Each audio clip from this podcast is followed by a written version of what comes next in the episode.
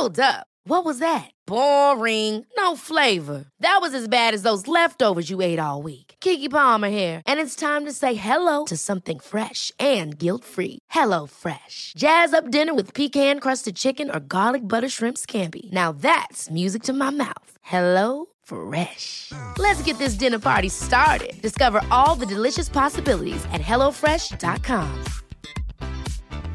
Hey, it's Ryan Reynolds, and I'm here with Keith, co star of my upcoming film, If, only in theaters, May 17th. Do you want to tell people the big news? All right, I'll do it. Sign up now and you'll get unlimited for $15 a month and six months of Paramount Plus Essential Plan on us. Mintmobile.com slash switch. Upfront payment of $45 equivalent to $15 per month. Unlimited over 40 gigabytes per month. Face lower speeds. Videos at 480p. Active Mint customers by 531.24 get six months of Paramount Plus Essential Plan. Auto renews after six months. Offer ends May 31st, 2024. Separate Paramount Plus registration required. Terms and conditions apply if rated PG.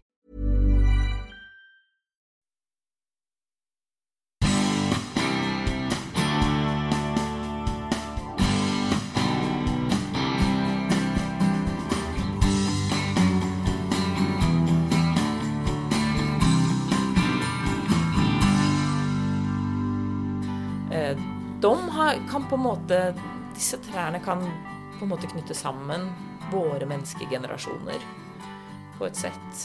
Eh, Min morfars farfar, eh, min, min morfar, min far, eh, mine barn, mine barnebarn. Trærne kan være de samme. Trærne er jo i en sånn skog de eldste levende organismene jeg kommer til å møte i mitt liv. Men på den annen side livets tre. Ikke sant? Yggdrasil i norrøn mytologi er jo et tre. Eh, trær har ofte en sånn posisjon. Altså I norrøn mytologi så kommer jo vi menneskene faktisk fra to stykker død ved. Altså Ask og Embla ble skapt ved at gudene gikk langs en strand og fant to biter med drivved, med rekeved, på stranden, som de skapte de to første menneskene av. Aller, aller, aller, aller fleste, altså 99,9% av alle insekter i verden, bidrar jo faktisk til å redde livet ditt eh, hver eneste dag, og ikke det motsatte. En nära døden-opplevelse med en upp og nedvendt kajak i Trysilelven førte Anne Sverdrup Tygesson nærmere naturen og skogen.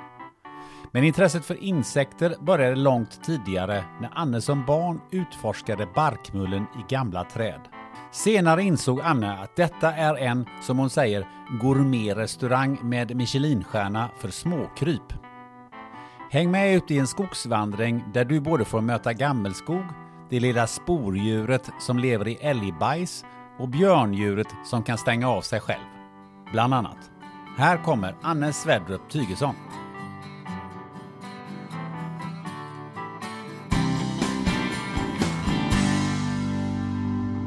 Anne Sverdrup Tygesson, välkommen till podden Spännande möten. Tusen takk. Eh, du, ehm, vi sitter ju här, det är november, det är snart Black Friday. Eh, hur mycket handlar du på Black Friday? Åh, jeg hater shopping, så det er ikke mye. Vad tycker du om Black Friday? Jeg, jag, jag, jag gillar ikke eh, fenomenet som på en måte pusher økt forbruk. Jeg tenker at det er vel litt det motsatte av det vi trenger. Precis. Jag tror vi kommer att hamna där någonstans i den diskussionen så småningom. ja.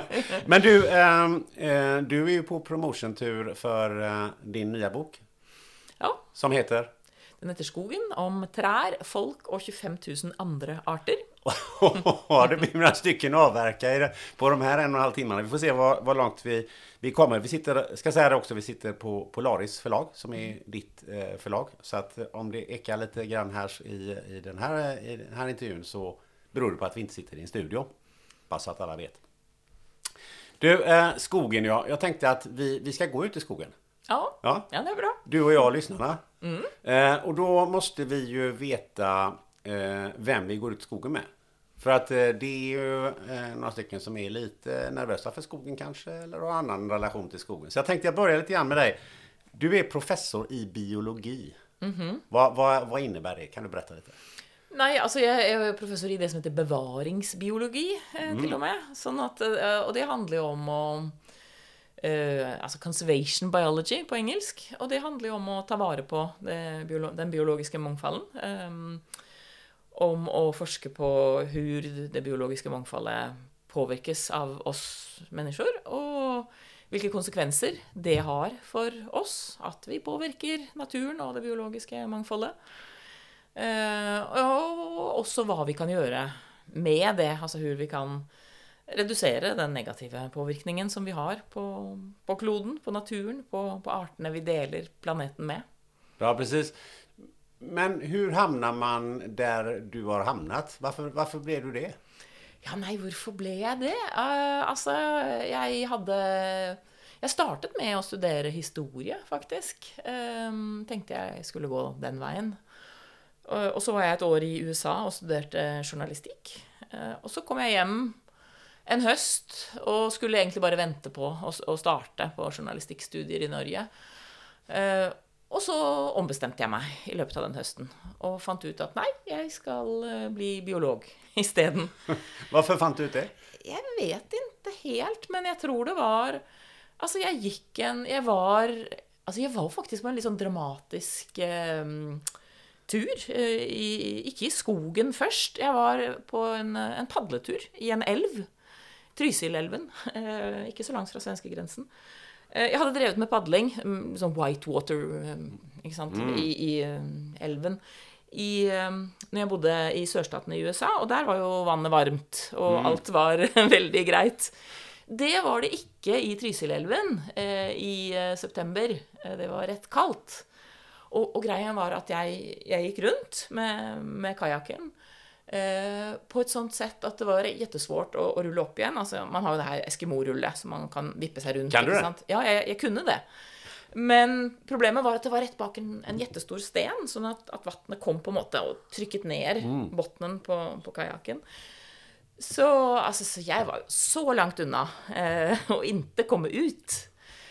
Ehm, så det var en rett dramatisk eh, opplevelse. Eh, jeg klarte jo så vidt å komme ut før jeg ikke hadde mer pust igjen. Og, men det var en sånn type opplevelse som virkelig får deg til å og kanskje tenke litt nytt, da. Eh, og så var det Det konstige også var at de andre som jeg var og padla med, de, de, jeg tror de ikke riktig fatta det, hvor dramatisk dette var for meg. For de, de var jo lenger ned i elven og så ikke riktig hva som skjedde. Eh, og så dro jeg rett fra den padleturen på en tur i skogen alene. Og gikk liksom alene med disse bildene og disse tankene i hodet. Og jeg tror, når jeg har tenkt tilbake senere på denne høsten, så tror jeg at det skjedde noe der mm. som gjorde at jeg ombestemte meg. Noe med at at jeg kanskje forsto um, ja, noe om at natur betyr mye for meg i livet mitt. Uh, og at det er viktig. Og at man faktisk kunne få en jobb som handlet om natur. Uh, om man ble biolog. Ja, det er interessant hvilken, hvilken opplevelse og hvilken, eh, hvilken til, hvilke tilfeldigheter som gjør at man velger saker. Ja, men sånn er det jo. Så mange tilfeldigheter i livet som styrer.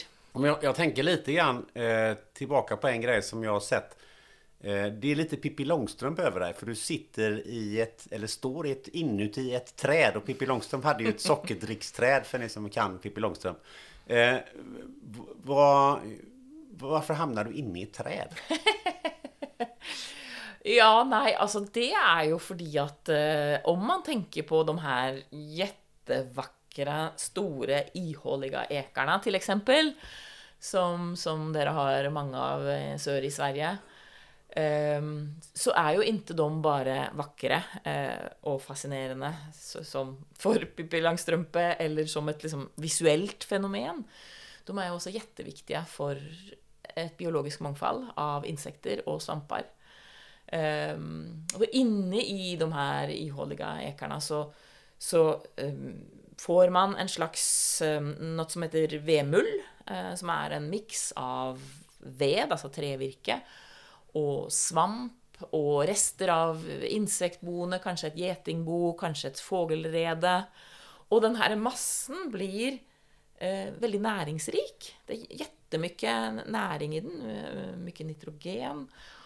Og det betyr at det blir en slags sånn Michelin-stjerne gourmetrestaurant for småkryp. Insekter og andre skalbagger og andre små, små arter. Som, som tykker mye om å, å, bo og ete der inne. Og, og en hel rad med hotede arter eh, kan bare leve inne i sånne iholdige tred. Og siden på en måte mitt studiesystem, som jeg har jobbet med hele tiden som bevaringsbiolog, det har vært skalbagger, og spesielt skalbagger som da lever i, i døde tred eller i ihåliga eh, tred, som jo i praksis er døde inne i midten. Så derfor har jeg jobbet med, med de her ja, ihåliga trærne.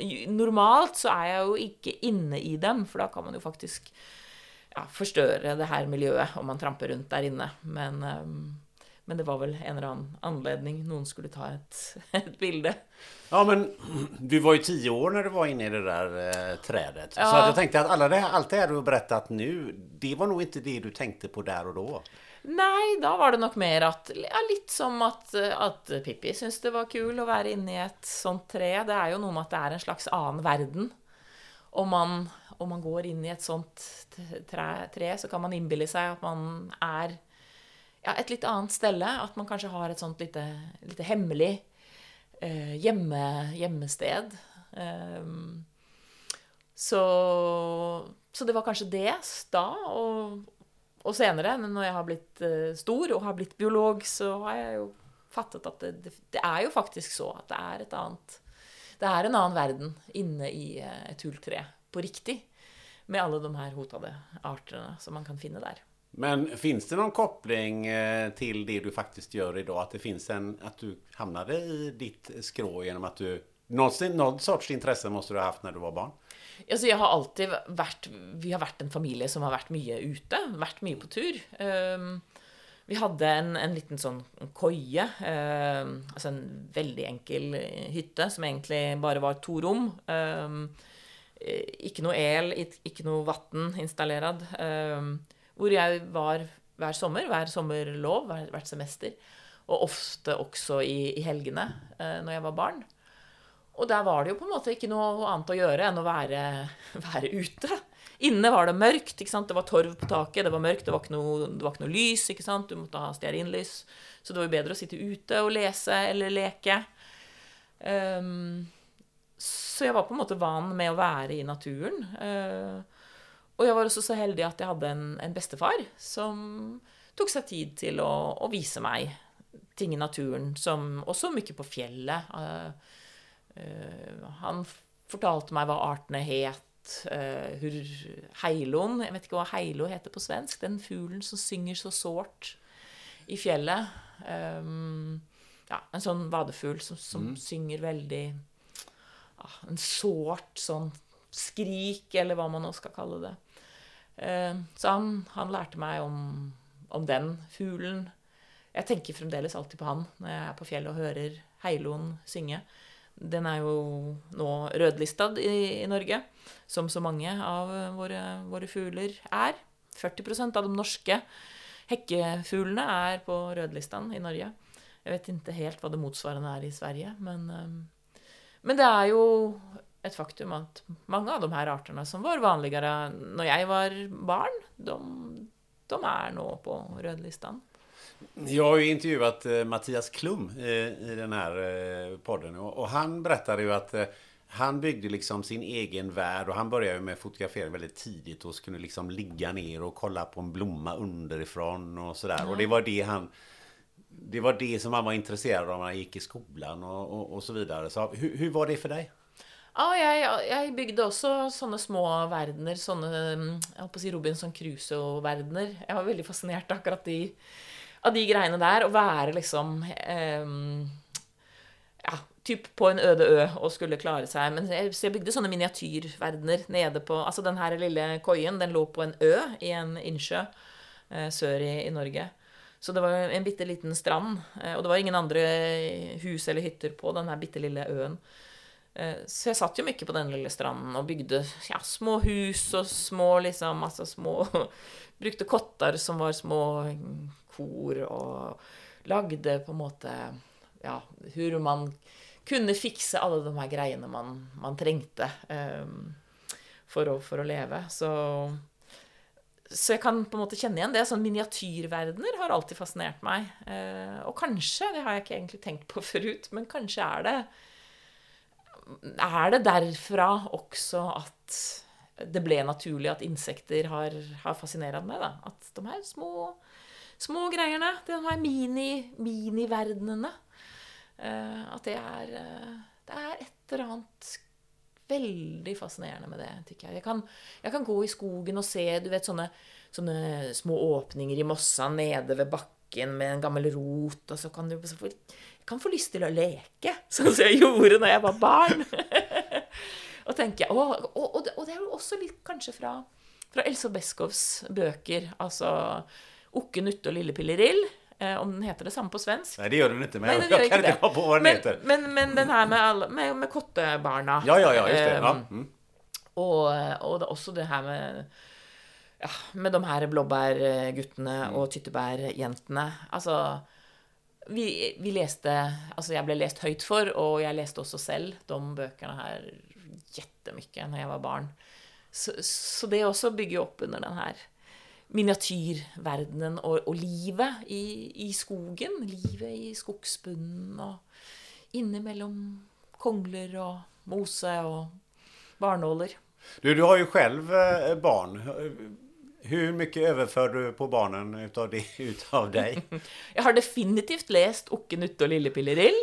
Og kanskje enda mer den som heter um, 'Reisen til landet det var en gang'. Den heter det samme på svensk. Ja, det er også Elsa Beskow. Um, med de her to barna som Det er min favorittbarnebok, kanskje. De her to barna som bor i en, en liten stue i, i skogen med sin mor og far. Og så finner de en, en, et, et, dødt, et dødt tred som er helt mosovergrodd, som jo blir til en drage når de setter seg på den. En drage som kan fly. De rigger den jo med sånn paraplyrester, og sånn, og så kan den fly. Og så flyr den av sted med de her barna til, til landet det var en gang. Og den dragen er jo også en sånn figur som jeg, som jeg ser når jeg går i skogen i dag. Altså, jeg har sett den mange ganger. jeg vet hvor den bor. Men har du visat barnen var draken bor någonstans? Och vad, Ja. vad har du, hur mycket överför du på dem? Att de får komma ut i skogen? Jo, nei, men altså, vi har vært mye i skogen og mye ute. Eh, så de har jo fått, eh, ja, fått både høre, høre de her berettelsene og, og blitt ja, tatt med ut i skogen uten at jeg har forsøkt å på en måte tvinge dem til å ehm, ja, nødvendigvis Altså, ingen av dem er biologer direkte. Én har studert mer IT, data. Én studerer litteratur. eh, og den siste går for så vidt sånn conservation Eller environment and development-studier. Så hun er jo litt i min riktning. Men jeg tror jo even så at de alle har tatt med seg fascinasjonen for, for natur og for friluftsliv. Og for det å være ute eh, inni sitt voksenliv. Og jeg tipper jo også at det kommer, om de får barn selv, at det kommer til å komme mer tilbake. Eh, det er jo noe med noen grunnverdier som man eh, ja, har på en måte plantert inn, tror jeg, i sine barn. Eh, gjennom å vise dem at natur er viktig for meg. Um, ikke at man skal gå lange turer, eller altså Det har aldri vært viktig å gå langt, men mer det å bare være ute. Um, og ja, se seg rundt og ha tid til å, å leke i, i naturen. Ja, for det finnes jo så mange andre saker som eh, lockar barn dag, sånn som mobiltelefoner og iPads. Så det er jo ganske langt bort fra skogen. Ja, ja nei, så jeg sånn sett tenker jeg at jeg kanskje har tur, som at mine barn er store eh, innan det der kom. At det er jo svårere nå å, ja, å få barna å rive seg løs fra alt det her eh, elektroniske, alle dippeduttene, alle dingsene. Um, og det viser vel også, si, forskning, at vi, vi er jo i ferd med å fjerne oss fra naturen og Altså både vi voksne og våre barn, og at det, det har jo noen konsekvenser for vår forståelse for hvor viktig naturen er for oss. Altså, ikke bare for naturopplevelse, men, men altså, naturen er jo hele vårt livsgrunnlag. Altså, hvor kommer maten fra? Hvordan renses drikkevannet vårt så det blir rent? Hva er det som sørger for et levelig klima eh, her? Det er jo på en måte alle, alle artene. Det er naturen som produserer de her ekosystemtjenestene, som man kan kalle det. Eller naturgoder. Sånn at eh, Jeg er jo Altså, i denne boken også så skriver jeg jo om at vi kanskje har behov for en slags gjenfortryllelse. Um, at vi har mistet, at vi har tappet noe av denne, denne fascinasjonen for natur. Og at den, den gjør at vi ikke helt fatter hva som skjer når vi, når vi liksom forstør naturen. Når um, arealer blir forringet. Um, og blir mer artsfattige. Uh, fordi vi ikke, ikke helt ser hva som skjer. Ja, du, jag tror att du pratar om någonting som heter återförtrollning, tror jag rubriken Ja, är den, i den, den svenska, i Ja. svenska boken. Jag måste bara fråga dig, men bevarandebiologi, hur svårt är det att prata med, om bevarandebiologi med, med unga människor som ju då är upp, uppvuxna långt ifrån naturen? Jeg tenker unge, Mange unge mennesker er jo veldig miljøengasjert. Eh, Så ofte så er det jo faktisk lett å prate med dem. Men det er klart, jeg møter jo kanskje flere av dem som, som er åt det holdet, da. Eh, Men jeg tenker jo at det er jo disse unge som skal overta kloden, som skal leve her framover. Så, så sånn sett så har vel mange av dem et interesse for, og i utgangspunktet en, en at de er uh, nysgjerrige, hva heter det på svensk? Um, nyfikne? nyfikne, ja. Uh, på, på, på dette feltet, tenker jeg. Så å, å prate med barn om f.eks. insekter, det bruker fungere riktig så bra, fordi eh, barn har jo ofte mer nyfikenhet og mer evne til undring enn vi voksne. Eh, så de har jo på en måte det Det er ikke slipt bort eh, ennå. Og da Jeg tenker mange barn er jettefascinert av ting, små dyr som rører på seg, og som er enda mindre enn de skjelva, og som eh, kanskje ja, er fargerike og kan fly og kan løpe av sted.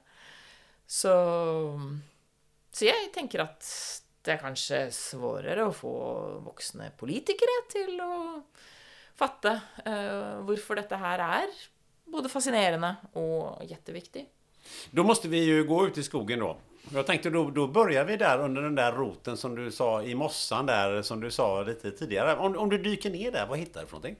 Och jättemycket arter. Störstedelen av de arterna som, som lever i en svensk skog, de vill du jo faktisk hitte enten på og i de døde träden eller nede i jorden. Eh, Der har du langt over helften av, av alle artene i en skog. Og det er jo litt av, av poenget, at det er så mye av, det, av de her artene som er, som er skjult, som er dold, som de, du ikke kan se.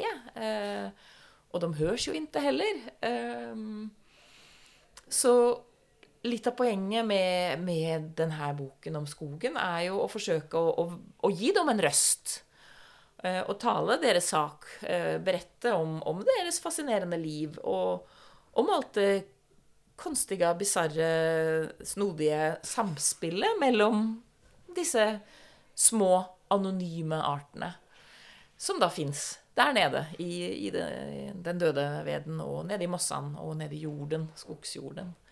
Så det handler jo om å komme på en måte Altså om å ikke bare se trærne i en skog. For de er jo bare en, en promille, en tusendel av artsantallet i skogen. Eh, størstedelen av de 25 000 andre artene er jo ja, insekter, svamper, mosser, lavar, eh, kjælvekster. Andre greier. Og særlig da insekter og svamper. De har jo, står for størstedelen av, av mangfolden der ute. Men når du kommer ut i, i eh, skogen, eh, hur, eh, hur mår du da? Jättebra. Jeg tenker da kan jeg, da kan jeg slippe ned mine aksler. Ehm, da kan jeg tenke på et annet sett. Eh, ja, det er egentlig Altså, jeg kan, jeg kan merke det når jeg går Altså, jeg har et sted hvor jeg er mye, eh, hvor skogen først er ja, ganske hardt brukad, og så kommer det en grens hvor eh, den inte er det, og den er veldig sånn clear cut. Eh, det er inte en reservatgrense. Den kommer lite senere, men men altså, jeg kan gå eh, Sist jeg gikk der, så var det eh, rett glatt. Det var liksom isete på stenene, så jeg måtte gå og på en måte se veldig rett ned på, på stigen for å ikke ramle. Eh, men enda så, så, kan jeg merke det når jeg kommer over den grensen. Altså på et eller annet sett. Even om jeg ikke ser meg rundt. Og det er klart det handler jo noe om at jeg har en fagbakgrunn. Sånn at jeg, jeg vet jo presis hva jeg skal se etter, om jeg titter etter. Men jeg tenker jo at, at det også handler om noe som, som er mer på det liksom, ubevisste planet. Og det tror jeg rett mange kjenner på. Altså, det er jo en svensk religionshistoriker som har skrevet en bok som heter 'Granskogsfolk', eh, som er en svensk bok, eh, om svenskenes forhold til skogen. Hvor han har intervjuet eh, svensker om deres forhold til skog. Og, og mange tar jo de her store ordene eh, i bruk når de skal beskrive hva de kjenner når de er i en skog. Altså det er, det er eh, Snakker om skogen som en katedral. Eh, snakker om skogen som at du kommer hjem. Eh, at du finner en helt annen ro, et rom for refleksjon. Og jeg tenker at det som er bra med å være i en skog, er jo at man at jeg kan kjenne at jeg er del av noe som er større enn meg selv. Og det kjennes jettebra. Det er som om det slipper litt det her voldsomme liksom, kjøret og presset, prestasjonsjaget, at man alltid skal være på, at man alltid skal prestere.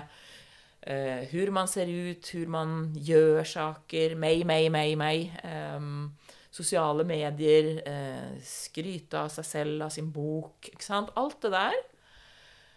Um, det slipper lite. Og så kan man bare være. Og så kan man tenke at om man da er så heldig som jeg er, som har en, en naturskog å gå i, så er de trærne, de tredene jeg har rundt meg, de er mye, mye eldre enn jeg noensinne kommer å bli. De er fire, fem, seks, sju, 800 år gamle. De har stått der i hundrevis av år, og de kommer stå der i hundrevis av år. Ehm, de har sett landskap som, som jeg ikke har sett, aldri kommer til å se.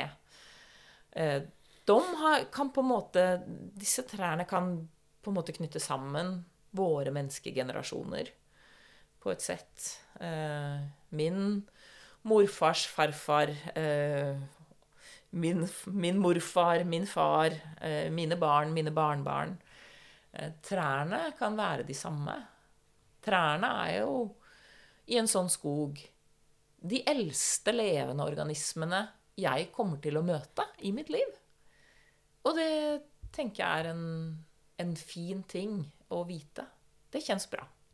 Hvorfor tror du at vi, at vi kjenner som vi kjenner når vi går ut i skogen? For en sak er at vi logisk tenker oi, de her er eldre, og her fins det dyr, og så. Men, men det är också någon sorts inre känsla, någon sorts, eh, som jag själv kan vittna om, någon sorts, jag vet inte, man kan inte nästan inte förklara det. Nej. Men jag tänkte att du kanske kan förklara det. För, för det känns ju precis som du säger att man släpper en del utav en massa sådana här saker som man har runt sig i det vanliga samhället. Men vad, vad beror det på att vi faktiskt reagerar på det sättet som människor? Har du en aning om det? Ja, nei, altså Man kan jo ha teorier om det. Det er vel vanskelig å si helt sikkert. Det handler jo om, om psykologi, så klart, og det handler jo om noe evolusjonært. Uh, altså jeg tenker, vi, vi kommer jo fra skogen på et sett. Altså, En gang var vi primater i, i tre, oppe i trekronen. Og så krabbet vi ned og reiste oss opp på, på to ben og, og, begynte å gå. Og levde kanskje på savannen. Men, men skogen har jo alltid vært en viktig del av menneskenes liv. Og kanskje bærer vi skogen med oss på et sett. Eh, og det er jo en jettefascinerende på en måte dikotomi, en sånn todeling, på det at skogen på den ene siden kan være mørk og truende og skummel fordi ting kan skjule seg i en skog. Men på den andre siden så kan en skog også være trygg, for vi kan finne skjul i en skog.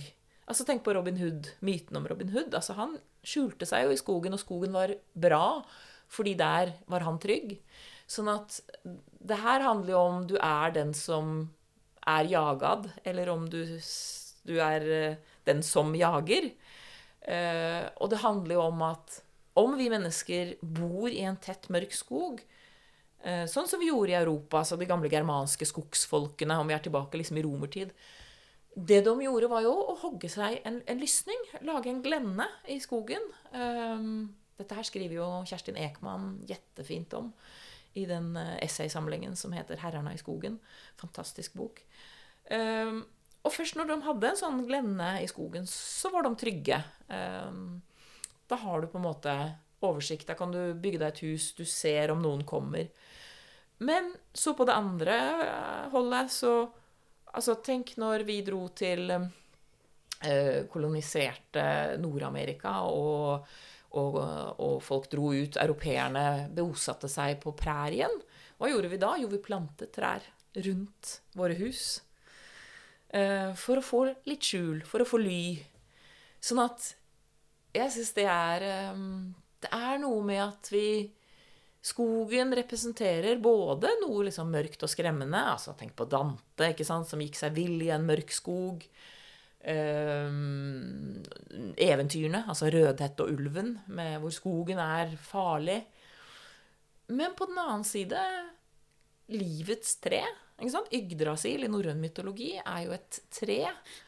Eh, trær har ofte en sånn posisjon. altså I norrøn mytologi så kommer jo vi menneskene faktisk fra to stykker død ved. Altså, Ask og Embla ble skapt ved at gudene gikk langs en strand og fant to biter med drivved, med rekeved, på stranden, som de skapte de to første menneskene av. Så, så jeg tror at dette her er noe som sitter veldig dypt i oss, i vår kultur, eh, og som er evolusjonært betinget. At vi, vi har et sånt litt sånn tvådelt eh, forholdene til, til, skog og trær.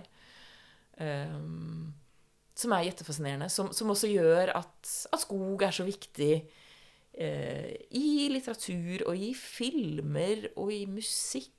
Altså i hele vårt kulturuttrykk. Nej, jag kan själv vittna om det också att eh, jag kan väl eh, känna att jag kan tänka smarta tankar i skogen. Ja. Eller jag kan eh, sätta ihop en intervju i skogen. Mm. Alltså jag, jag, skriver den ju inte, men jag, när jag kommer hem så kan jag bara skriva ner den. Så det är ja. klart. Mm. Alltså, och det kan jag göra ibland att sitta hemma så får man inte till det. Så att det finns någonting där som interagerar som är svårt att sätta fingret på tycker jag. Ja.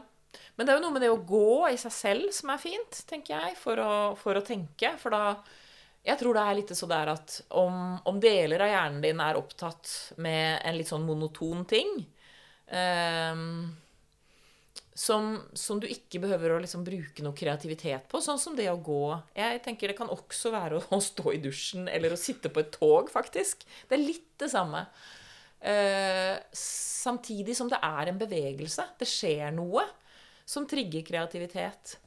Eller du sitter og ser på, på havet med bølger. Eh, det er en sånn miks av at det skal være bevegelse, og noe av hjernen skal være opptatt med en litt sånn mer sånn noe monotont. Som iallfall for meg kan trigge, eh, som du sier, eh, lange tanker og kanskje smarte tanker. Iallfall nye tanker. Og dette her viser jo også forskningen. altså Det er jo svensk forskning som har sett på, på skog uh, og skogens effekt som, uh, for folk som lider av posttraumatisk stressyndrom. Uh, at det å gå ut i en skog, gjerne med gamle trær, gjerne litt sånn halvåpen, eldre tallskog til eksempel, gjerne komme ned til et vann, det er en skog som faktisk har en altså hva skal man si, helbredende effekt. da. Det dette her er jo ikke Altså, dette blir jo ofte avfeid som litt sånn hva skal du si eh, naturromantikk og litt sånn Hare Krishna, New Age-tullball. Eh, men det er jo jettesolid forskning på at dette her er, har effekter eh, på oss. Og, og jeg tenker jo at vi skal i større grad enn i dag å si, respektere og ta konsekvensen av at skog også er viktig for oss på det settet. Eh, skog handler jo absolutt ikke bare om at det står timmer der. Eh, det handler ikke om trevirke. Det handler om så mye mer. Det handler selvsagt om alle artene, men det handler også om at skog er viktig for oss. Um, rent altså mentalt, psykologisk, um, så har skogen jettestor effekt. Og da måste man kanskje prioritere litt annorlunda hvordan man, man skjøter skogen rundt der folk bor, nærskogen. Jeg tenker jo at det er viktigere at den brukes som en nærskog for folk å vandre i, og for liksom, barnehager for barn å komme ut i. Um, enn at man skal på en måte skvise de siste ekstra kronene uh, ut av den med å kalaverke, f.eks.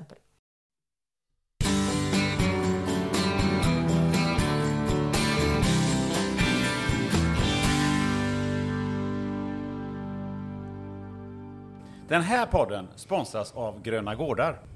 Märta, vi har ju pratat om gräsbeteskött i tidigare avsnitt i den här podden. Kan du inte förklara, vad är gräsbeteskött? För oss innebär gräsbeteskött att djuren ska födas upp på bara gräs. Och det betyder på sommaren så betar de och på vintern så äter de någonting som heter ensilage. Och det är olika typer av gräs och örter man odlar på åkermark och sen så konserverar man det. Är en process som heter ensilering och så äter de det hela vintern. Och det är jättebra för markhälsan, jättebra för den biologiska mångfalden. Och vill man odla spannmål och bönor på åkermark så är det väldigt bra att man odlar vall mittemellan. Så korna blir liksom en, eh, ja, men en, en del i kretsloppet på en gård. Som jag fattar det rätt så bidrar jag både till hållbarhet och mångfald om jag äter gräsbeteskött. Ja, det är faktiskt så. När kon får äta gräs och grovfoder så blir hon en väldigt positiv kraft i vårt jordbrukslandskap. Men nu står vi ju här i er fina butik i Ljungskile och då undrar ju någon då som är från Malmö eller Stockholm, hur får jag tag på det köttet då? Då går man in på grönagårdar.se. Vi har hemleverans i ja, merparten av alla postnummer i Sverige och sen så klickar man in det man vill ha och så får man det. Fantastiskt! Alltså in på grönagårdar.se och handla. Och yep. själv så handlar jag direkt här 4 kilo köttfärs tror jag. Och då blir det hamburgare. Då blir det hamburgare. Tack Gröna Gårdar!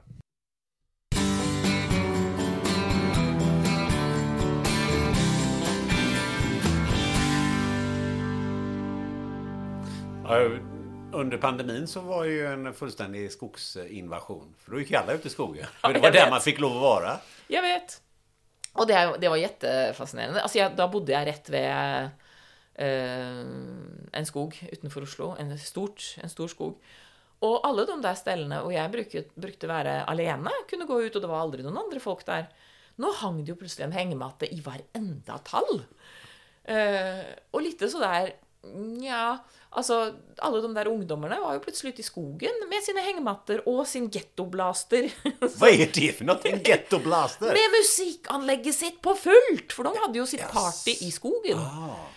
Så det var jo litt sånn Jeg, måtte jo på en måte tenke to ganger. Altså tenke at ok, jeg tykker jo ikke om egentlig at liksom den roen var, var ble forstyrret, men på den annen side, det er jo bra at folk er, bruker skogen, da, at folk er ute. Så altså, Iallfall i Norge så sier jo statistikken at én av fire nordmenn overnattet ute i naturen i løpet av eh, pandemien. Det er jettehøyt, altså. Ja, det er virkelig. Ja. Det, og jeg, de fleste av dem var nok i skogen. Du går jo ikke ut på en åker og legger deg eh, ut om natten.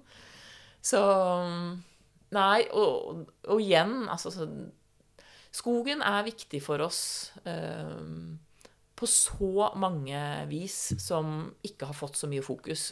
Som fortjener mer fokus. Du, någonting som fins i skogen det er jo insekter og det skal vi prate om om en liten stund. Men, men først må vi prate om svampar. Eh, hva heter det på norsk? Sopp? Ja. Ja. Men sopp er, er, liksom, det alle svamper, svampar. Det er even møgel i sopp også, eller?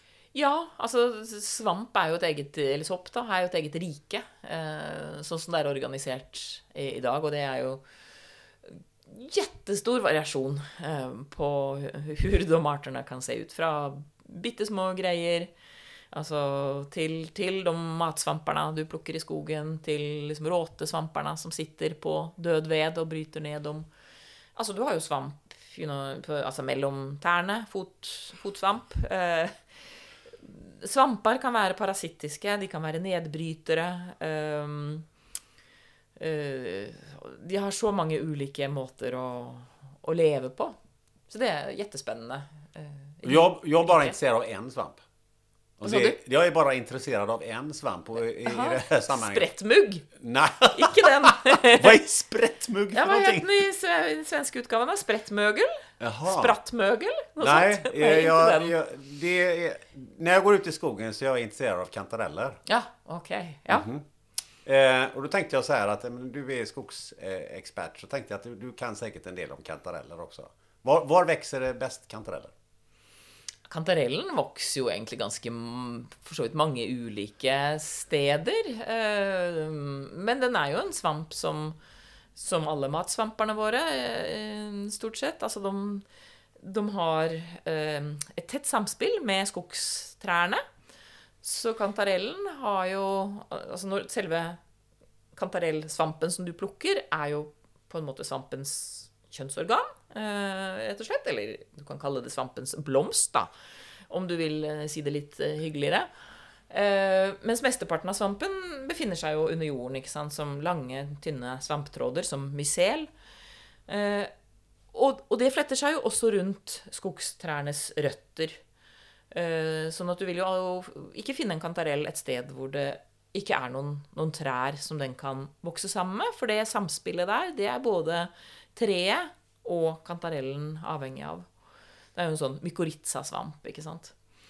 Så du må jo inn i skogen. Ja, så jeg syns jo at en eldre granskog eh, med liksom ganske mye fukt, liksom mose i bunnen, er eh, mine beste kantarellsteder. Men det fins jo også kantarell definitivt i mer brukede skoger. Fins det ulike sorters kantarell? Ja, nei, altså det, det, Men, men den, den der oransje fine som Det er jo en art. Cantarellus cibarius på, på latin. Men, eh, men det fins jo traktkantarell, til eksempel, eh, er jo en annen. Og en type kantarell som du kan finne av, så mye at det nesten er tråkig, fordi den står jo bare overalt i skogsbunnen. Du kan jo nesten ha med deg en saks og bare på en måte klippe. Eh, Den smaker også godt, men inte, den er jo litt annorlunda i konsistensen enn den, den oransje, vanlige kantarellen. Du, eh, eh, från eh, kantareller til eh, insekter. Mm. Hva, hva, er en insekt? Et lite djur med seks ben, fire vinger, tre kroppsdeler og to antenner i all hovedsak. Det er så det skal være. Det, det måste være seks ben. Annars er det ingen... Eh, Nei.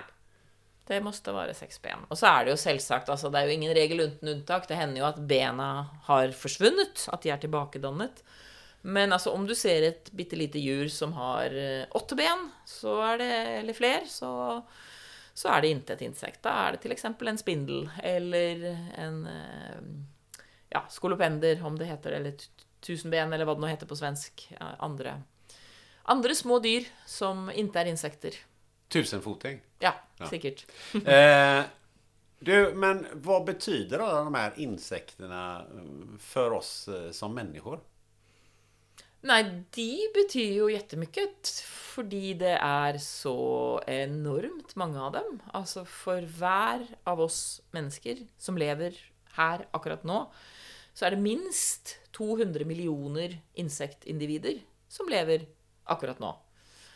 Ehm, og de finnes, altså insekter fins i jettemange ulike slag, altså ulike arter. Sånn at om du ser på, på de dyrene vi kjenner til på kloden i dag, så, så jo, utgjør insekter 75% av alle kjente dyr.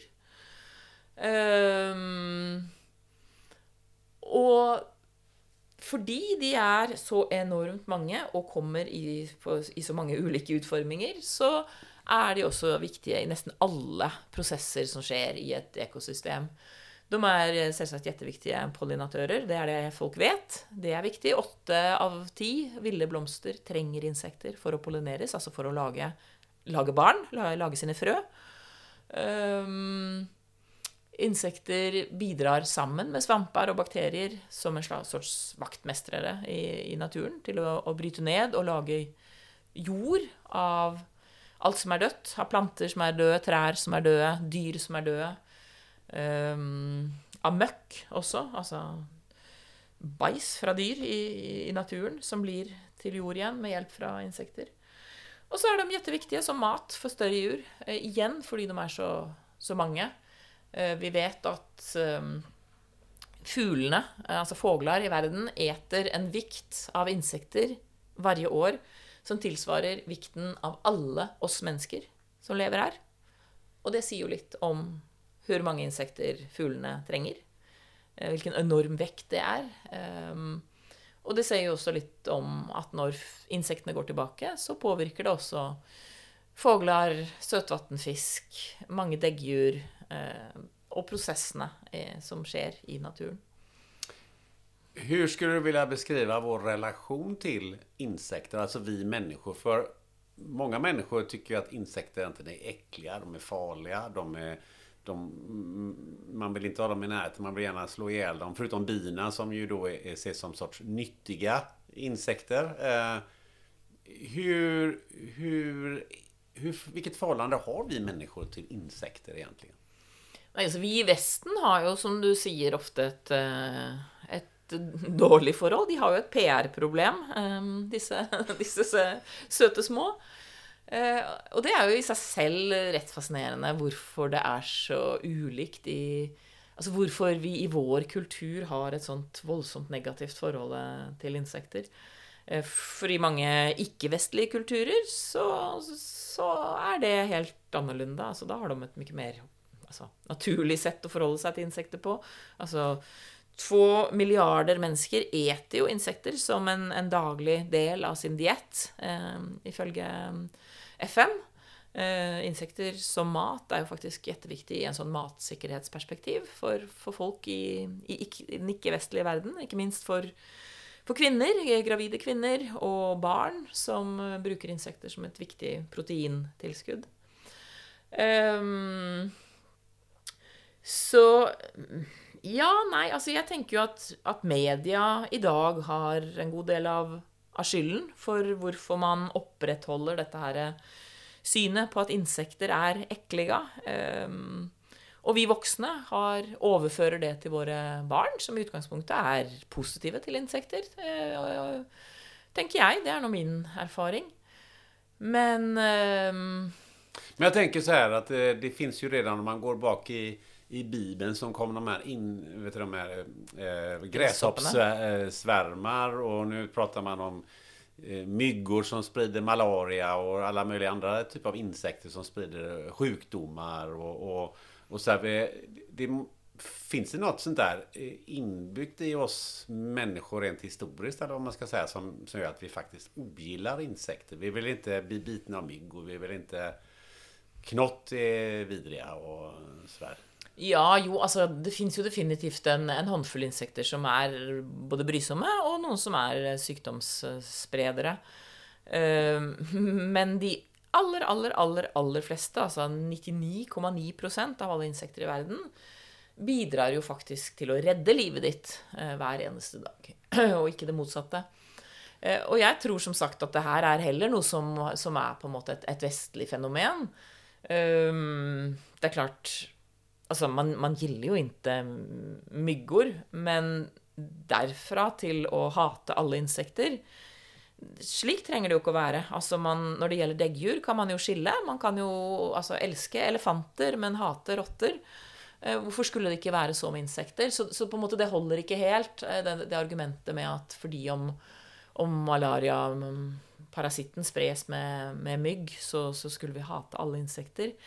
Um, altså En teori på det, som ikke er fra mitt fagfelt, da, som, er, som er med fra liksom, antropologien, det er jo at det har å gjøre med uh, altså Vestens møte med folk uh, i andre kulturer. Og at det var på en, en måte en del av vårt syn på dem, da. At Det gamle kolonialistiske synet, at vi var bedre enn dem. Eh, de spiste insekter. Det var liksom noe, noe vilt. Noe liksom eh, dehumaniserende, da. Det er iallfall en teori, da.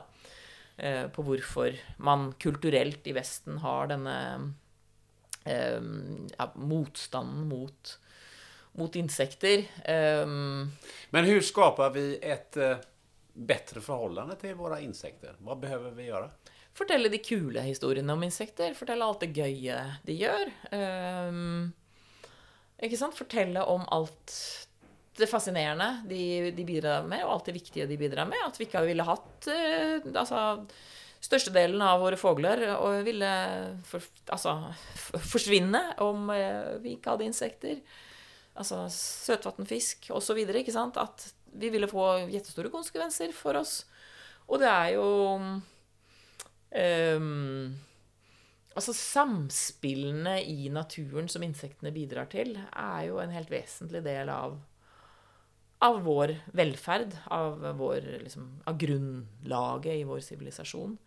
Og det gjelder jo mange av de her små organismene, tenker jeg. Altså både, både insekter og svamper og andre liksom, virvelløse dyr. Da. Ehm, at de vi, vi trenger å se dem eh, for å bli bevisst hvor viktige de faktisk er. Og da tror jeg det hjelper å fortelle de, de fascinerende historiene om, eh, om dem. Altså, enten det da er den her lille sprettmøgelen, eller hva det nå heter på svensk, jeg tror det er omtrent det som er det svenske navnet, som, som er en bitte liten svamp som faktisk lever på Altså den er et par centimeter stor, som lever på elgbais.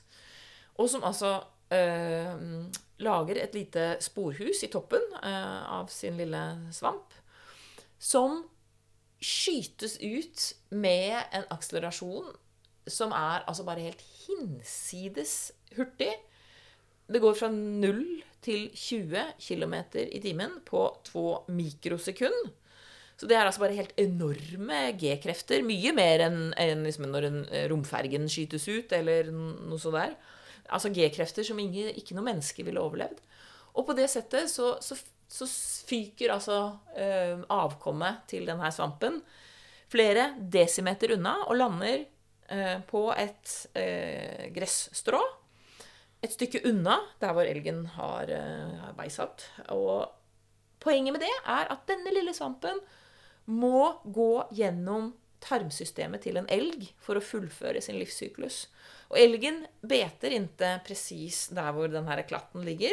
Mm, Så derfor er det viktig at disse sporene, altså soppens frø, da, på en måte, um, havner et stykke unna.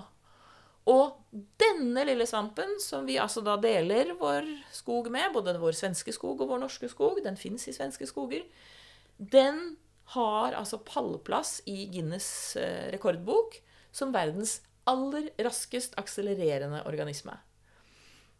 Og sånt tykker jeg er kul å vite. At, man, at når vi går i skogen, så har vi sånne arter rundt oss. Eller det lille, lille bjørnedyret. Um, som er et bitte lite djur, som ikke er et insekt, um, men som er et virvelløst djur. Som ser ut som en krysning mellom en, en dammsugepose uh, og en eh, teddybjørn. På størrelse med et punktum. Det ser jeg framfor meg. En korsning Ja. mellom en dammsugerpose og en teddybjørn. Blir ikke det ganske gullig? Det er kjempebra. Ja! Eh, De er kjempegullige. Og de her bor altså De er vattendjur, men de bor i skogen. Og de bor i vattnet som ligger som en tynn hinne nede i mossan. Det har vi visst lenge. Men også oppe i tretoppene. I den tynne vannhinnen, vannhinnen som ligger eh, altså på, på mosse eller lav, eller bare på, på ytene der oppe. Og, og de her små bjørnedjurene, de, de lever altså sitt liv der oppe. Eh, spiser og formerer seg, og har en utrolig spesiell formåga. De har en av-knapp på livet. Altså, de kan skru seg selv av. Og når de har skrudd seg selv av, så kan du gjøre hva du vil med dem. Altså, da kan du koke dem, steke dem, glemme dem bort. eh, sende dem ut i verdensrommet. eh, utsette dem for kosmisk stråling, vakuum, minus 273 grader celsius. Eh, og alt dette her klarer de aldeles utmerket. De har altså kvittet seg med 97% av alt vann de har i kroppen, og er i en sånn dvalefase hvor de tåler alt det her. Og så kan du ta dem inn, ned fra verdensrommet, inn på laben igjen. Bare helle på litt vann, og så er det bare poff! Og så går du i gang igjen med å ete og formere seg som før. Så den, den her formågan som gjør at de klarer å, å gjenfukte seg, altså få vannet tilbake, det er jo en teknikk som, som vi har forsøkt å kopiere. Eh, som lekemiddelindustrien er interessert i, fordi man kan bruke den til å Med vaksiner så kan man liksom tenke seg at man kan tørke dem. Frakte dem til der de skal, uten at man trenger å ha dem i, i kylen. ikke sant? I, i noe nedkyld. Og så kan man bare helle vann på når man er framme der hvor man skal bruke dem. Eller NASA, eh, amerikanske romfartsorganisasjonen, har testet ut denne gjenfuktingsteknikken på eh, menneskeblod som er tørket ut. Eh, fordi ferskt blod bare har en varighet på ungefær seks uker. Sånn at om man skal reise til Mars, eksempel, så måtte man ha med seg blod som er tørket. Og da har man testet ut å bruke dette her lille bjørnejurets gjenfuktingsteknikk for å få blodet til å, å, bli blod igjen. Altså tørket blod til å bli blod som man kan bruke om det skulle skje at noen trenger en blodoverføring. Hvilke fantastiske historier! Ja, men sånn er skogen full av! Det er det boka er full av. Og det er jo nettopp dette å forsøke å fortelle hvorfor skogens 25 000 arter er så jettefascinerende. Eh, den her bredere berettelsen om skog som noe veldig mye mer enn timmer.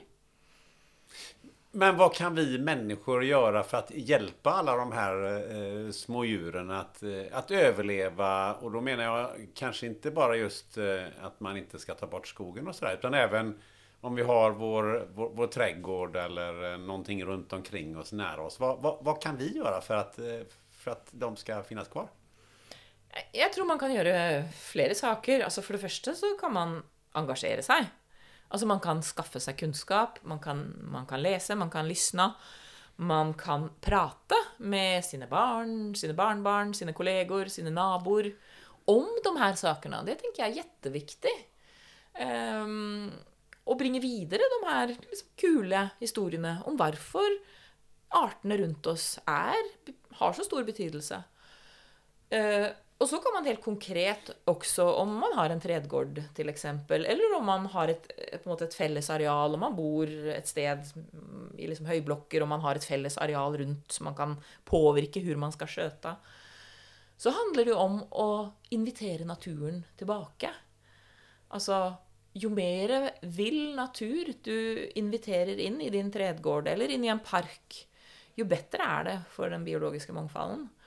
Um, om du kan gjøre deler av din gressmatte om til en, en blomstereng, f.eks., så skulle det vært jettebra for alle de ville uh, pollinatørene. Altså, honningbien er jo bare én av mer enn en 200, mer enn 200 ville bin som vi har. Uh, og den er jo et, et husdyr. Uh, den er jo en domestisert jur, sånn at det er på en måte ikke den som er problemet her. Problemet er alle de ville, eh, de ville biene og de andre ville pollinerende insektene.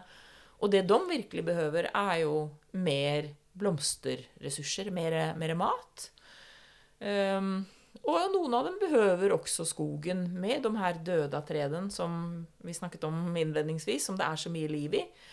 For akkurat som at ikke sant, Hakkspetterne hakker ut store hull i døda tred, som, som eh, talgoksene og andre fugler, eh, fugler, kan bo i etterpå. Så er det jo sånn at en del skalbagger gnager mindre hull i døda tred. Altså F.eks. en del av barkborrerne, som vi har mer enn 70 av eh, i åra skoger, de gnager ut ganger som mange, mange andre arter kommer og bor i etterpå. Sånn at dette her henger sammen. Og, og disse døde trærne med små hull i, det er jo det vi forsøker å etterligne når vi lager sånn derre insekthotell. Eh, det er jo litt som å henge opp fågelholker, bare at det er for de små. Og det hjelper jo litt. Eh, ikke minst så gir det oss en mulighet til å se insekter på nært hold. Men det som også er, hjelper eh, Altså det som også er viktig, og det som hjelper mye, er jo altså å sørge for at det er mat for de her pollinerende artene. Og at det er ja, blomsterressurser for, for de som er pollinatører, som skal ha nektar og pollen um, som mat også. Til, til, seg selv og til sine barn. Så det tenker jeg eh, er, er viktig. Um, både det konkrete man kan gjøre, og det å, å snakke om det. Og også å På å si forlengelsen av det, så er det jo å, å engasjere seg i en miljøorganisasjon, f.eks. Eller på bare tale naturens sak i, eh, i alle mulige andre sammenhenger. Ja, på din arbeidsplass, f.eks. Altså, som vi startet med, de her artene har ingen stemme. De høres ikke. De ses ikke så godt heller. Um, og da er det vi som måtte, måtte, gi dem en røst. Da måtte vi tale på, på, deres vegne. Da må vi skrive kronikker i avisen, eh, opinion pieces. Da må vi tale deres sak i budsjettforhandlingene, i statsbudsjettet, ikke sant? I, i kommuneforvaltningen, i lensstyrelsens planer for hvor arealer skal brukes. Det var ganske rolig där du sier insektshotell. Vi har ett sånt litet insektshotell på huset. Det var väldigt roligt att eh, hackspetten eh, såg det som sitt eh, lunchbord. Som Jaha. satte sig där och plockade ut dagens lunch. Ja. Det var väldigt, eh, det var väldigt intressant. Men om vi, om vi är tillbaka till, det är ju många i, i eh, Sverige som bättre annat sätt har någon sorts eh, trädgård. Vad, vad, hur, hur tycker du så här allmänt sett Eh, en, en bra trädgård ska se ut utifrån ett insektsperspektiv. För idag ser ju många trädgårdar ut som att eh, där går det en robot och så är det den jämnaste, finaste gräsmattan. Och så har man tagit bort alla stubbar för det är fult. Eh, och så har man kanske inte så mycket öppen jord och så har man huggit ner träna för de, det ger för mycket skugga i huset. Sådär. Och det är klart, det finns ju ett mellanting här. Eh, man kan ju inte bara ha träd i trädgården. Det kanske man inte vill ha för man vill ha lite ljus på. Det heter allt. trädgård. Ja, Nej, men man kanske vill ha lite ljus på den här gläntan som heter altan då. Men, men om du bara liksom skulle säga sådär med, med lite enkla ord. Vad, vad ska finnas i en sån trädgård tycker du? Stor variation. Eh, blomster blomster som blomstrer gjennom hele sesongen, fra våren gjennom sommeren til høsten. Så ulike sorts arter. Primært arter som hører til i Sverige. Ville, ville arter. Eh, mindre gressmatta. Klippe av gressmattene om du måtte ha en gressmatta. Du trenger kanskje ikke ha det i hele din tredgård. Kanskje bare et mindre areal. Ikke klipp, klipp, ikke klipp den så ofte. Låte den vokse. La kløveren, f.eks. Hvitkløver. Hvitkløver, ja. Det er, ja, hvitkløver, men. Ja, altså om du, om du, klipper mer selvsyn, så vil jo den komme opp. Uh, og den er jo en jettefin uh, kjella til, til nektar. Uh, even Hva heter det? Maskeros, er det den heter på svensk? Den store mm. gule. Ja. Det er jo også bare in your head om det er et ugress, eller om det er en jettevakker gul blomma, som er en viktig nektarressurs tidlig på, på sommeren. Eh, for insektene som er tidlig ute. Så, så ja, mindre, gress, mindre sånn uh, kortklipt gressmatte, mer uh, blomstereng. Uh, frukttred, urter av forskjellig slag. Ør, ør, urter. Mm. Ja. Um, om du har måtte sage av en stor gren, eller kanskje felle et tred, så, så la det ligge i et tørn av, av hagen. Lag et sånt faunadepå, som noen svenske kommuner faktisk har. Um, hvor da svamper og insekter kan, kan få til. Um, og om du gjør så her, så får du jo også en hage som, som på en måte fungerer mer som et ekosystem. Altså, da inviterer du også inn flere av predatorene som vil kunne holde koll på de artene som, som man kanskje tenker på som brysomme. Um, så det er jo et smart, smart sett å, å kombinere. Og så ja, Så det er vel, om du skal, skal eh, gjøre det bra for insekter, eh, handler det jo om blomsterressurser og om død ved som de to viktigste. Eventuelt, om du skal ta det ett skritt videre, så måtte det være å ha en liten hagedam. Eh, Det vil jo også kunne gi Mange arter av insekter er jo vannlevende som barn. Altså øyenstikkere, eh, libeller til eksempel. De er jo eh, i, vannet, i vannet, som, som barn. Men om vi går fra eh, då eh, vår trädgård eh, till lite, det litt lite större, det vill säga det er... är tillbaka till skogen och skogsbruket och, och, och de man ska säga, industrier och, och eh, företag. Vad, vad borde de och vad kan de göra för att vi ska behålla den här artrikedomen som du var inne på håller på att minska? Da handler det jo om to saker. Det handler om å skydde tilrekkelig med skog eh, av den skogen som er minst påvirket av, av, eh, av oss eh, fra før. Eh, skydde den skogen som, som har størst skyddsverde og størst betydelse fra et biomangfoldperspektiv. Og så handler det jo om hvor man bruker den resterende skogen. Hvor intensivt man faktisk gjør det når man avvirker. Det fins jo et spenn fra kalyter med markberedning og planting og veldig korte omlopp, eh, via mer naturnære systemer, hyggesfritt skogsbruk, lengre omløpstider, eh, fokus på mer løvtred inne i, skogen, til da det som er vernet. Sånn at det er jo på en måte en, et kontinuerlig spenn hvor man kan gjøre my mye med å også flytte en del av den mest intensive måten å, å, bruke skogen på, eller hogge, avvirke skogen på, mer i retning av mer naturnære metoder.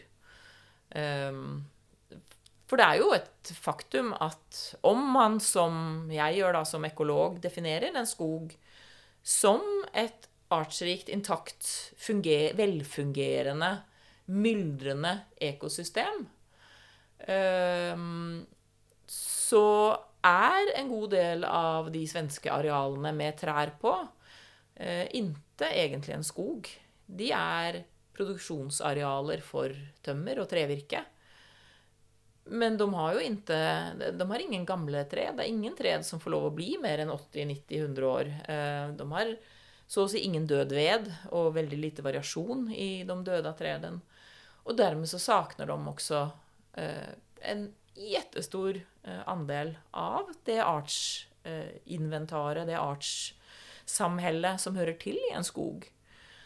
Sånn at, og det her tenker jeg, det her er jo også litt av, av poenget med, med, min bok om skogen. Um, at, jeg, at, jeg, har lyst til å fortelle en, en bredere fortelling om skog. En fortelling, en beretten, berettelse der skogsbruk bare er ett perspektiv, eh, sammen med veldig mange andre perspektiv, som handler om det fantastiske, fascinerende biologiske mangfoldet, som handler om oss i naturen og våre naturopplevelser, handler om historie eh, og kultur og dette her. Eh, og også dette at mange i dag ikke har sett en riktig skog. For om man bare har sett de her treraderne, hvor, hvor altså trærne står på rad i eh, tømmerproduksjonens tjeneste, på geledd. Eh, så sakner man jo ikke en riktig skog, for man vet ikke hvordan en riktig skog ser ut. Eh, man har kanskje aldri vært i en, en liksom, urskogsnær skog, eller en, even en naturskog, hvor trærne får leve livet ut, og leve ut sin død. Eh, hvor det er små og store trær, hvor det er jettestore trær, hvor det er masse døde trær, hvor altså en hel tredjedel av volumet av trærne faktisk fins som døde av tred. Eh, så litt som i, i din tredgård, så handler det jo om at her, vår trang til å, å alltid skulle stede eh, den, den, er kanskje ok inne i din egen legenhet, men den er ikke ok i naturen. I naturen så betyr det at vi tar bort livsrom for jettemange av de artene som skal leve der. For et dødt trær, tre er jo ikke liksom noe støkig. Det er ikke rot, som vi sier på norsk. Eh, Det er tvert imot et jetteviktig eh, levested for en tredjedel av skogens arter.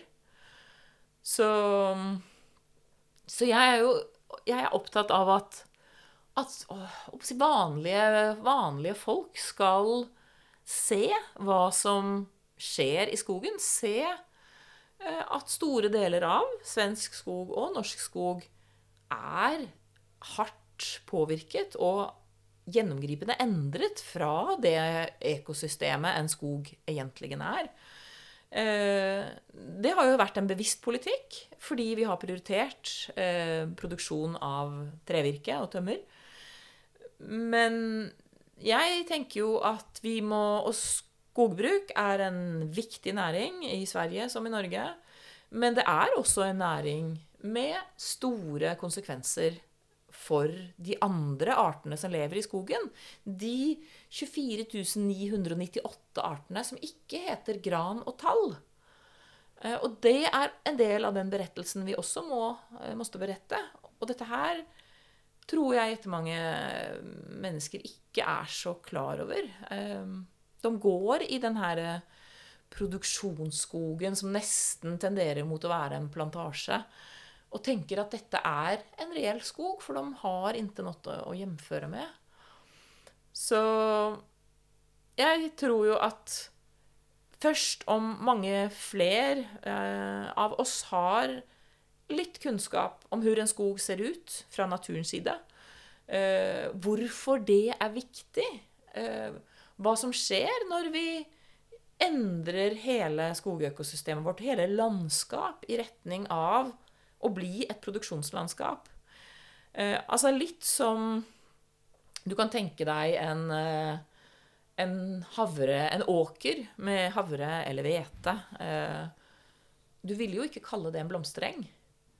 Men om du går i en skog der det bare står graner på geledd, eh, så er jo det egentlig mer en, en granåker enn det er en skog.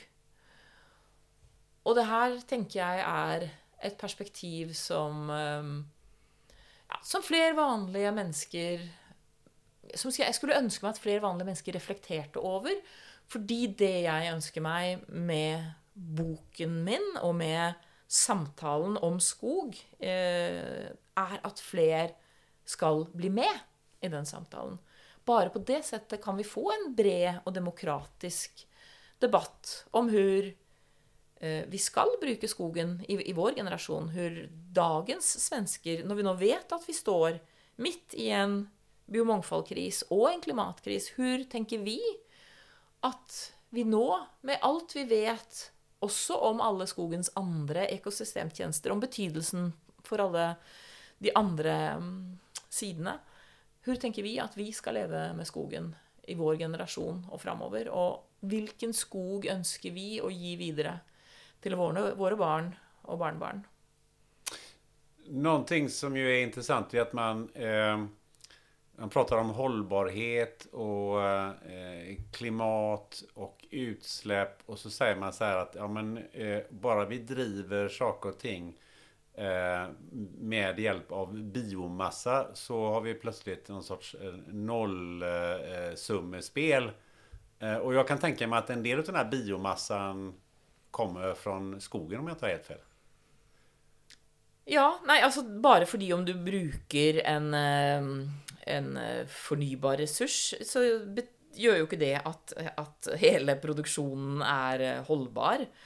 Altså eh, Om man forstør et ekosystem når man høster den ressursen, så er det jo ikke holdbart. Altså holdbarhet er et, et stort og litt svårt begrep som kanskje har blitt litt sånn tømt for innhold. Alle bruker det. Ehm, men om man skal ha et reelt holdbart skogsbruk, så skal det jo gi, rom for, for dette rike mangfoldet som fins i en skog.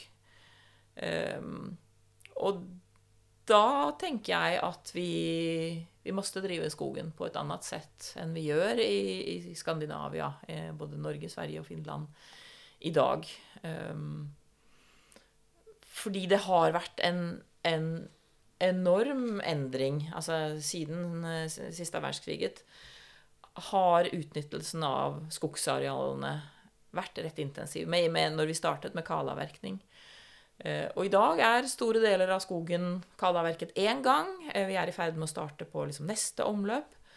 Uh, og vi, vi, vet altså Nå har jeg ikke den svenske statistikken i, i hodet, men i Norge så vet vi at av de artene som er hotad, som lever i skogen, som er halvparten av alle Norges hotade arter, av de hotade skogsartene så er 84% hotad pga. mangelen på naturnær skog. Skog som ikke har vært kallaverkad. Eh, som kanskje det har vært hogd i et og annet tre langt tilbake i tid, men som altså har fremdeles gamle tred og mykket og variert død ved. Vi vet at mangelen på slik skog er hovedproblemet for de hotede artene i skogen. Og det handler jo om at vi avvirker denne skogen, og at den nye skogen, om vi skal kalle det det, eller de nye arealene med trær på, som, vi, som kommer opp, de har Der, der oppstår ikke de her um, karakteristikkene, de her typene av trær, eh, døde eller levende, som artene trenger.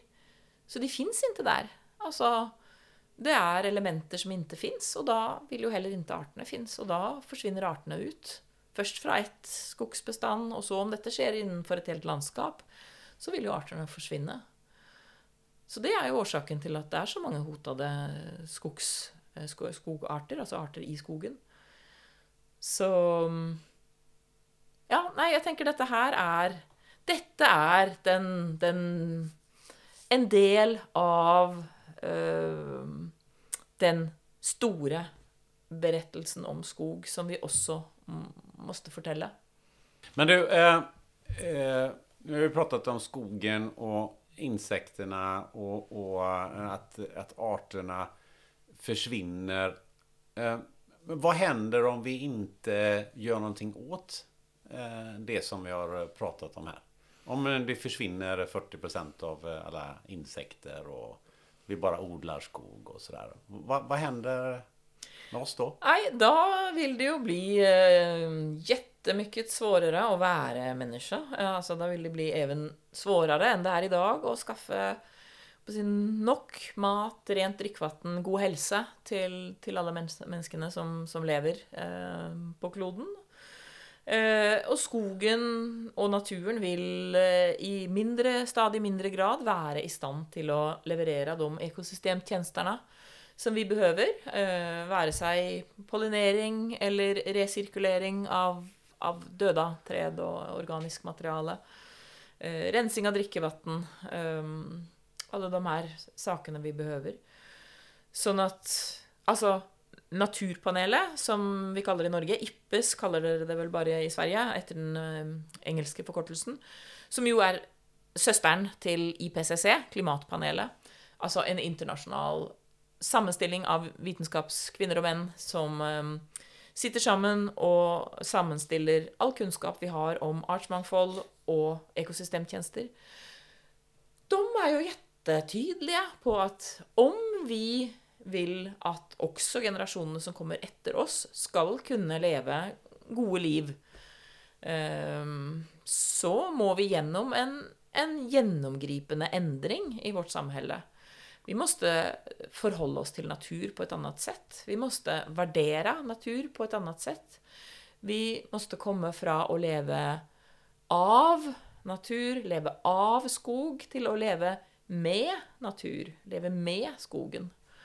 Um, og dette er jo ikke en enkel uh, sak. Men om vi ikke forsøker å endre, så gjør vi jo også et valg.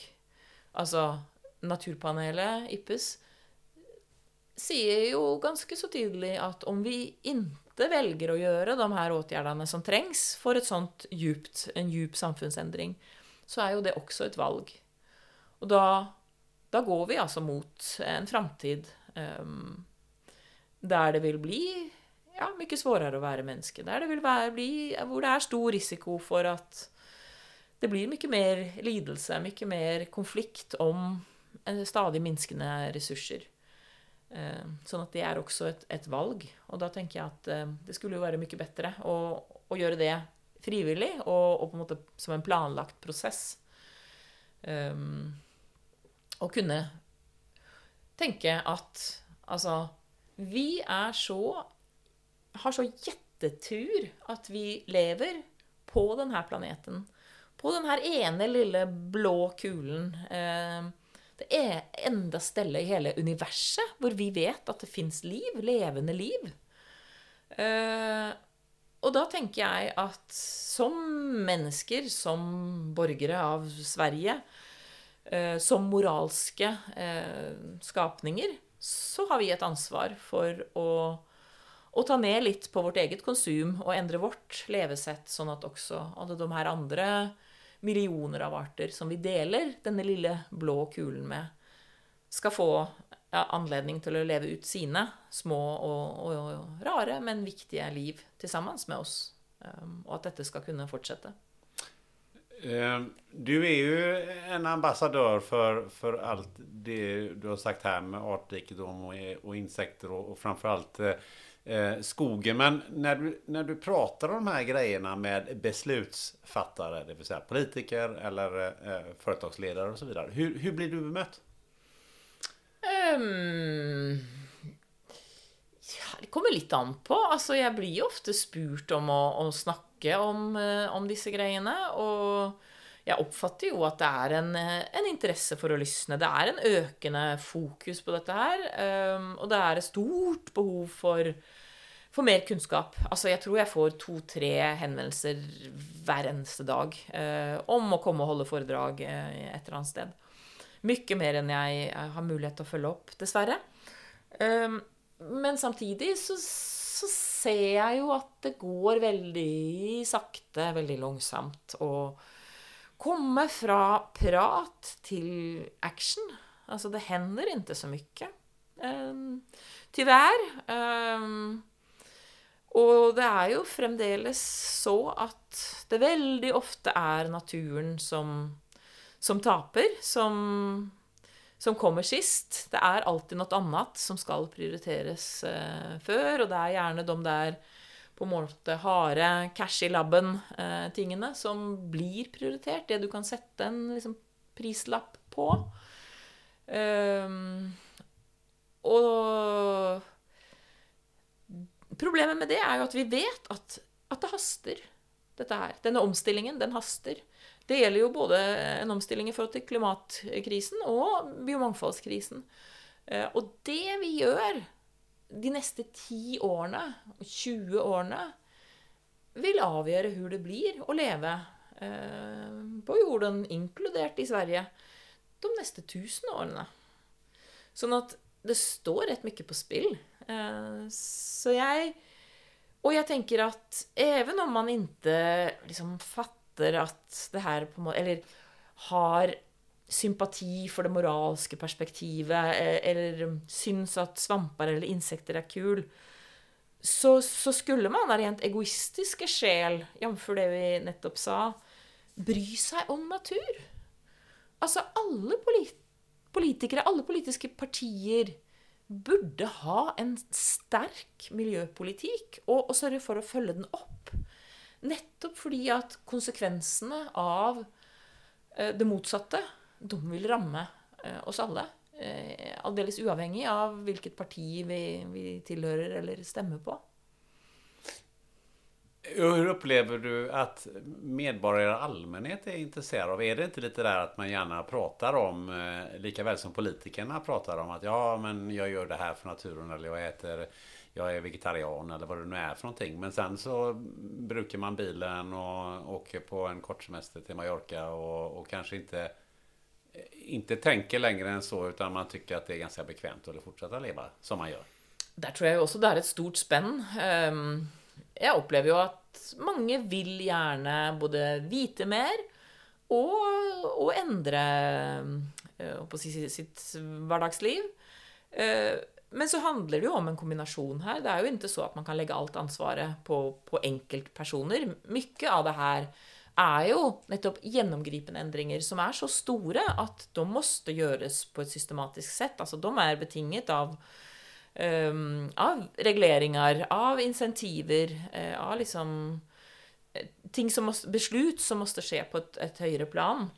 Um, så det er jo en kombinasjon. Uh, og jeg opplever jo at mange forsøker å endre de der små tingene uh, man kan endre, og, og jobber på for å, å påvirke politikere til å, å, gjøre mer. Og nå vet jeg det er også en norsk uh, spørreundersøkelse. Altså fråge, man frågade tusenvis av nordmenn om naturpolitikk, og, og resultatet for to år siden var jo at jeg tror det var altså, noen og 70% 75% eller hva det var, mente jo, ønsket seg at politikerne skulle gjøre mer for natur og klimat enn det de gjorde. Sånn at jeg tror at det er et større interesse blant folk flest enn man kanskje tror.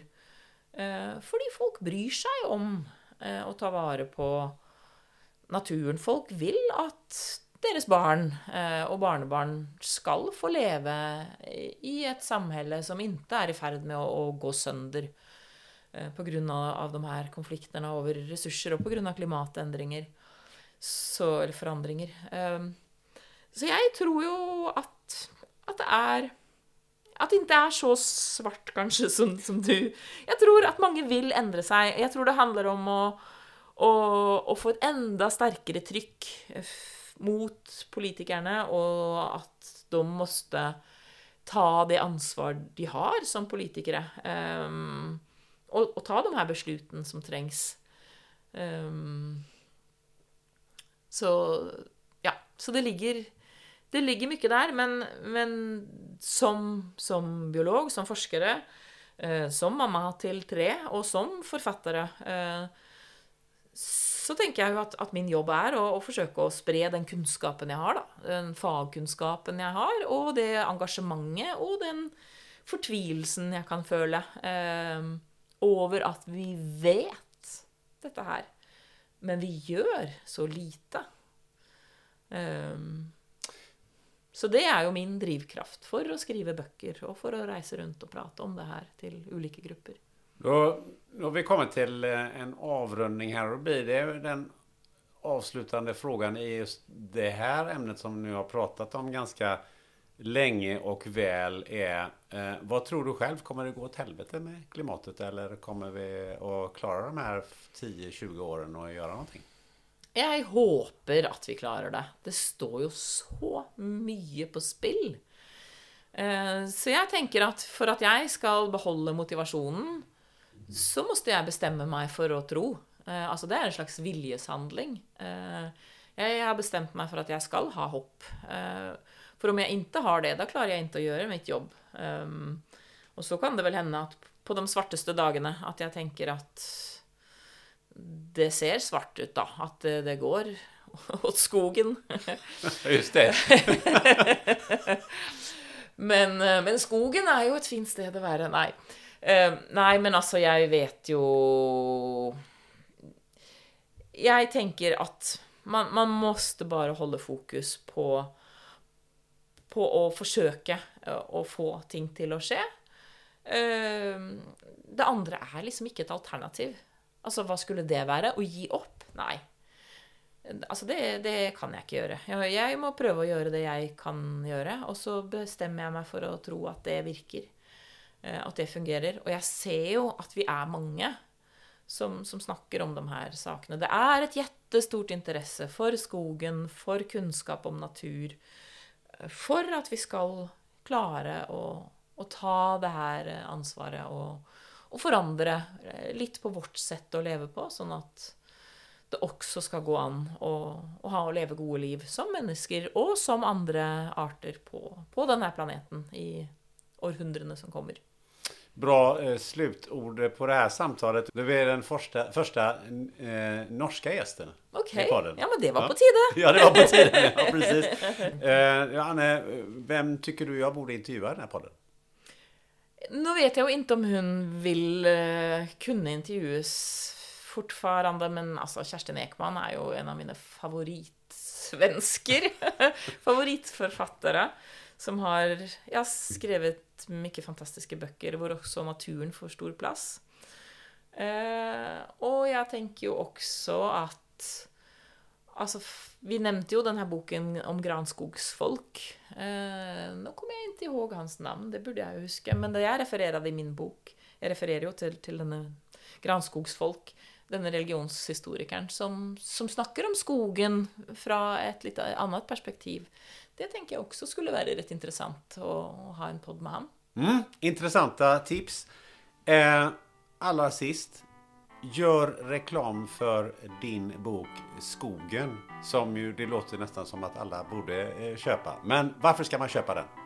Om man vil ha en, en bok som handler om biologi, om kultur, om historie og om politik. Eh, en bok som gir deg et bredere perspektiv på hva en skog er, og hvorfor en skog er viktig, og hvordan vi bør tenke om en skog, og hvordan vi bør skjøte skogen.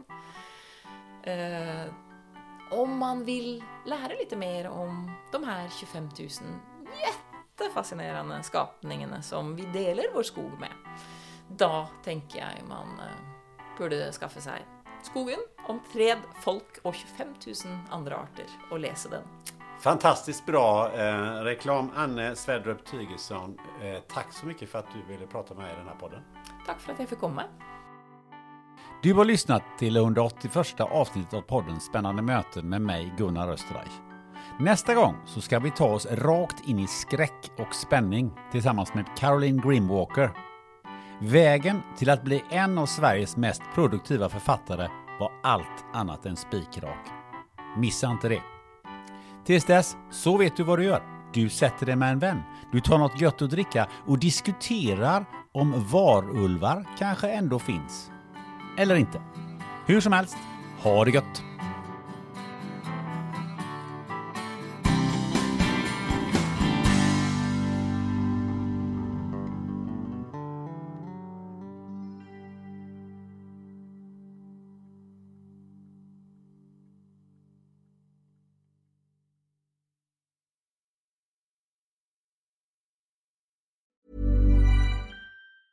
Hey, it's Danny Pellegrino from Everything Iconic. Ready to upgrade your style game without blowing your budget? Check out Quince. They've got all the good stuff shirts and polos, activewear, and fine leather goods, all at 50 to 80% less than other high end brands.